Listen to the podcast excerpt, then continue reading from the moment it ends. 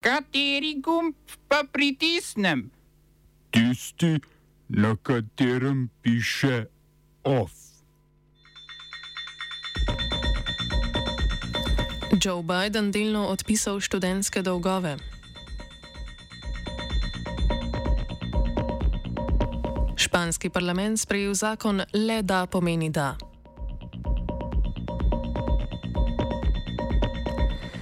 Ruska pravoslavna crkva priznala avtokefalnost makedonske pravoslavne crkve. Stečajni upravitelj Adrije Airways proti nekdanjim menedžerjem iz Nemčije uložil odškodninsko tožbo.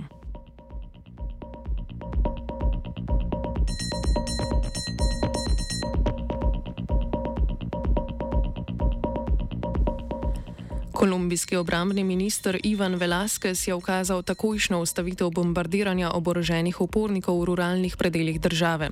Velasquez povdarja, da so bombardiranja skupine FARC povzročila smrt številnih civilistov in prisilno novačenih otrok. Novo izvoljeni kolumbijski premijer in nekdani borec v zdaj neobstoječi uporniški skupini Gibanje 19. april Gustavo Petro, Gustavo Petro je po izvolitvi izrazil željo po nadaljnih mirovnih pogajanjih z uporniškimi skupinami. Konflikt v Kolumbiji, ki se odvija že več kot 60 let, je povzročil že skoraj pol milijona smrti.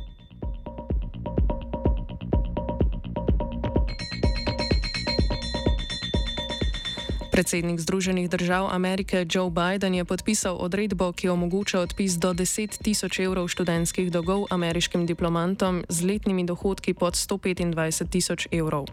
Odredba vključuje tudi odpis do 20 tisoč evrov študentskih dolgov diplomantom, ki prejemajo državno štipendijo Pell za izredne akademske dosežke.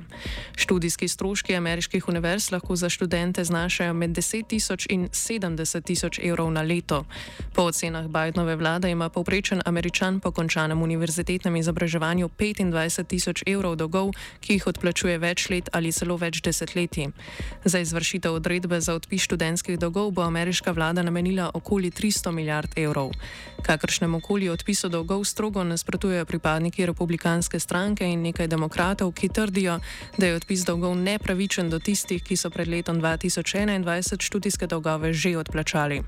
Nova odredba študentom, ki so dolg odplačali lani, Sloveniji sicer omogoča, da del denarja zahtevajo nazaj.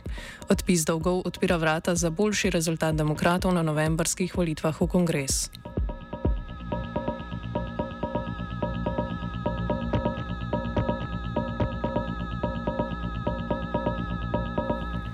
Angolska volilna komisija je objavila umestne rezultate parlamentarnih volitev, na katerih je vladajoča stranka MPLA dosegla Za nje rekordno nizek rezultat z 51 odstotki glasov. Glavna opozicijska stranka UNITA je na letošnjih volitvah dosegla rezultat 44 odstotkov glasov, kar je do sedaj najboljši rezultat za katerokoli opozicijsko stranko. UNITA je poseben uspeh dosegla v glavnem mestu Luandi, kjer je prejela kar 62 odstotkov glasov.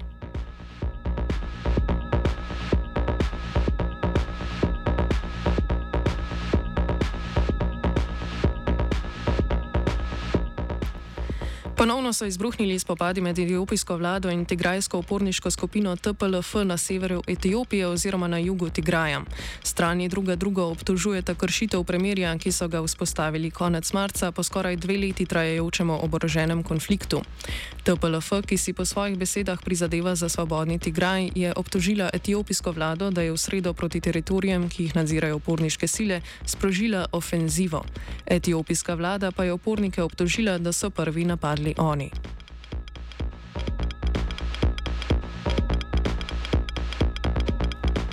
V svetovnem programu za hrano, ki so ga ustanovili Združeni narodi, so opozorili, da polovica prebivalstva skoraj pet let in ne pet in pol milijonskega tigraja trpi za hudim pomankanjem hrane. Konvoji pomoči v obliki hrane, ki od aprila spet prihajajo v tigraj, imajo zaradi njihove številčnosti pogosto probleme z dostavljanjem hrane vsem, ki jo potrebujejo. Tigraj je prav tako brez delujočega telekomunikacijskega omrežja in druge infrastrukture. TPLF vidi vzpostavitev nujne infrastrukture kot pogoj za nadaljevanje mirovnih pogajanj z etiopijsko vlado.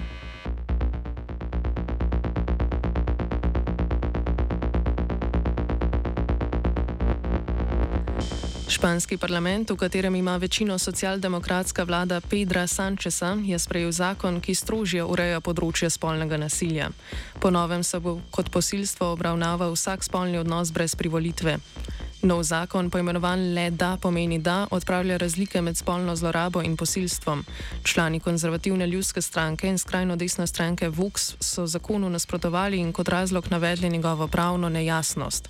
Socialdemokratska vlada je ukrepe na področju boja proti posilstvu sicer napovedala že leta 2018, ko je prišla na oblast. V Španiji so istega leta potekali množični protesti potem, ko je bila skupina moških, ki je posilila 18-letnico, obsojena na 9 let zapora zaradi spolne zlorabe. Ta se je sedaj. Tedaj v španski zakonodaji smatrala za manjši zločin kot posilstvo. Kasneje je više sodišče pod pritiskom javnosti skupino obsodilo na 15 let zapora in njihova dejanja spoznalo za posilstvo.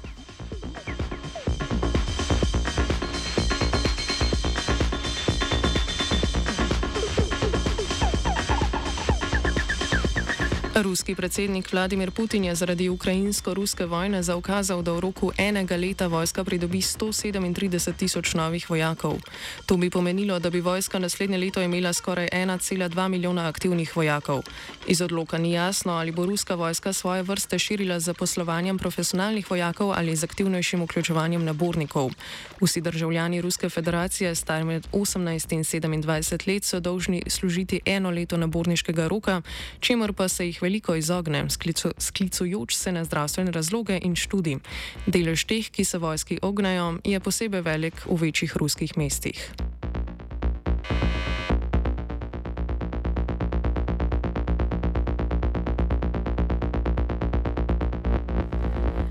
Po trditvah ukrajinskega državnega podjetja za jedrsko energijo Energatom so jedrsko elektrarno v Zaporožju odklopili iz ukrajinskega električnega omrežja.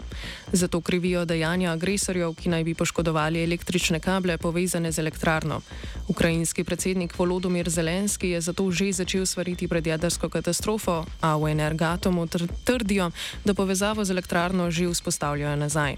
Analizi novosti rusko-ukrajinske vojne lahko prisluhnete v kultivatorju ob peti uri.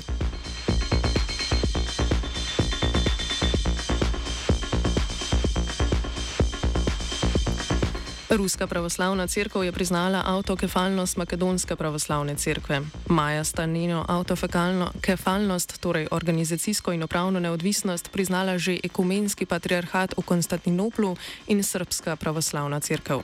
Makedonska pravoslavna crkva se je za uprav, upravno neodvisno razglasila že leta 1967, a brez priznanja kanoničnih pravoslavnih crkva. S priznanjem dveh najvplivnejših pravoslavnih crkva, torej ruske in konstantinopolske, je Makedonska pravoslavna crkva oziroma Uhridska načkofija postala najmanjša avtokefalna crkva v pravoslavnem svetu.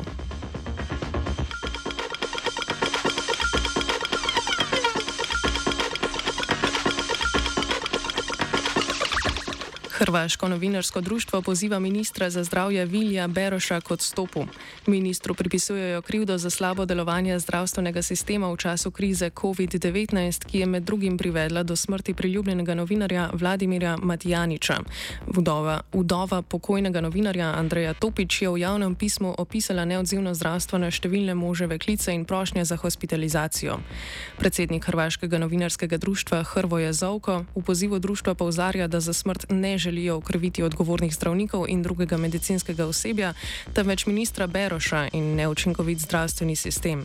Dodaja tudi, da vsak dan, ko je Beroš minister, postaja Matjaničeva smrt tudi skupna odgovornost Plenkovičeve vlade. Smo se osamosvojili, nismo se pa osvobodili.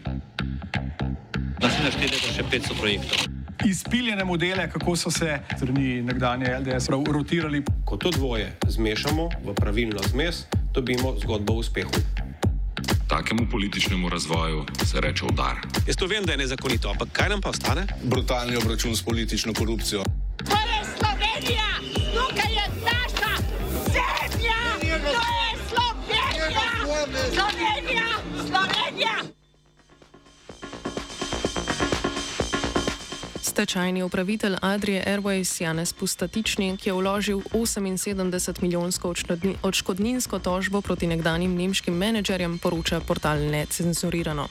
Pustatičnik od nekdanjih članov poslovodstva Adrije zahteva poplačilo škode, ki naj bi jo prezadejali upnikom družbe. Pustatičnikovi odvetniki so po pregledu poslovanja ugotovili, da so nekdani direktori kršili insolventno zakonodajo, saj naj bi vedeli za plačilno nesposobnost Adrije Airways. Kljub temu niso ukrepali in so se zatekali k spornim računovodskim trikom. To je leta 2019 privedlo do stečaja letalske družbe, ki sta jo nemškemu skladu 4K Invest leta 2016 prodala slovenski državni holding in slaba banka. Za štiri ljudi, povezane z Adrijo in skladom 4K Invest, zaradi suma zlorabe položaja in pomoči pri kaznivem dojanju zahtevajo sodno preiskavo tudi na specializiranem državnem tožilstvu.